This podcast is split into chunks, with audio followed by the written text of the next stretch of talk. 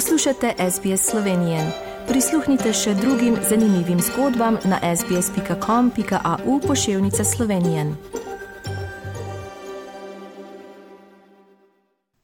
Pozdravljeni, ljubitelji športa. Tako po svetu, kot tudi pri nas doma, je športno dogajanje v senci svetovnega prvenstva v nogometu.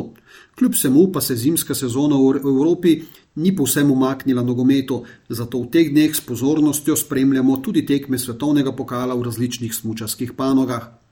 Prav danes je v nemškem Ticenojštadu smučarski skakalec Anžela Nišek Sloveniji priboril drugo zmago v svetovnem pokalu v petih dosedanjih tekmah letošnje zime.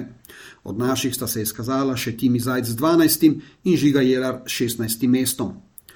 Odličen začetek sezone je uspel tudi smukačici Ilki Štuhec, ki je po neuspešni lanskoletni sezoni ni obupala, pač pa zamenjala upravljalca smuči in se na prvih dveh letošnjih tekmah v Smuku, ki so bili na sporedu v Združenih državah Amerike, ponovno povsem približala svetovnemu vrhu, saj na dveh tekmah osvojila odlično peto mesto.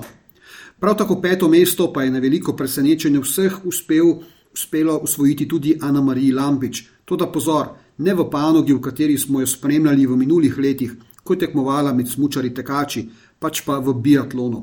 Ana Marija je namreč ob koncu lanskoletne sezone sporočila, da si je zaželela novih izzivov, da zapušča smučarske teke ter da se bo preselila med biatlonce.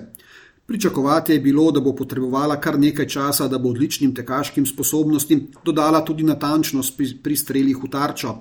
Da ima talent tudi v tem športu, se je pokazalo že na njeni prvi tekmi svetovnega pokala v biatlonu, biatlonu v nemškem Hochfilznu, kjer je bila na 7,5 km preizkušnji izjemna peta.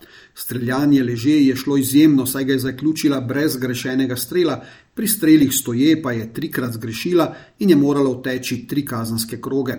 Ana Marija je očitno tako hitra za biatlonke, da lahko s svojim tekom uspešno nadomesti tudi slabše streljanje. Sedaj pa v dvorane. Košarkarice Devite Olimpije so v sedmem nastopu v Evropskem pokalu dočakali svojo prvo zmago.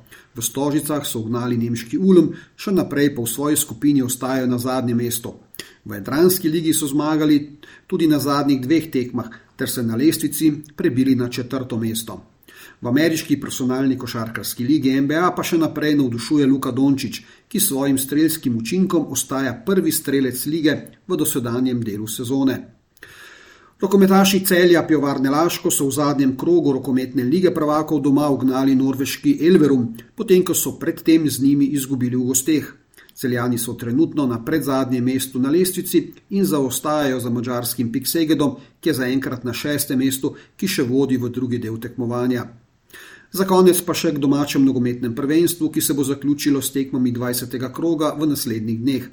Že sedaj je jasno, da bodo jesenski naslov prvaka osvojili nogometaši Olimpije, ki imajo po 19 krogih kar 23 točk prednosti pred zasledovalci.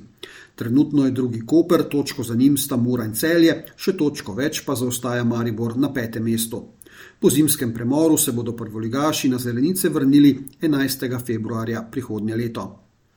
To je bil pregled športne dogajanja v Sloveniji v minulih 14 dneh. Za vas sem ga tudi tokrat pripravil, Tomaš Ambrožič, ki vas prav lepo pozdravljam. Želite slišati sorodne zgodbe? Prisluhnite jim preko Apple ali Google podcasta, preko aplikacije Spotify ali kjerkoli drugje.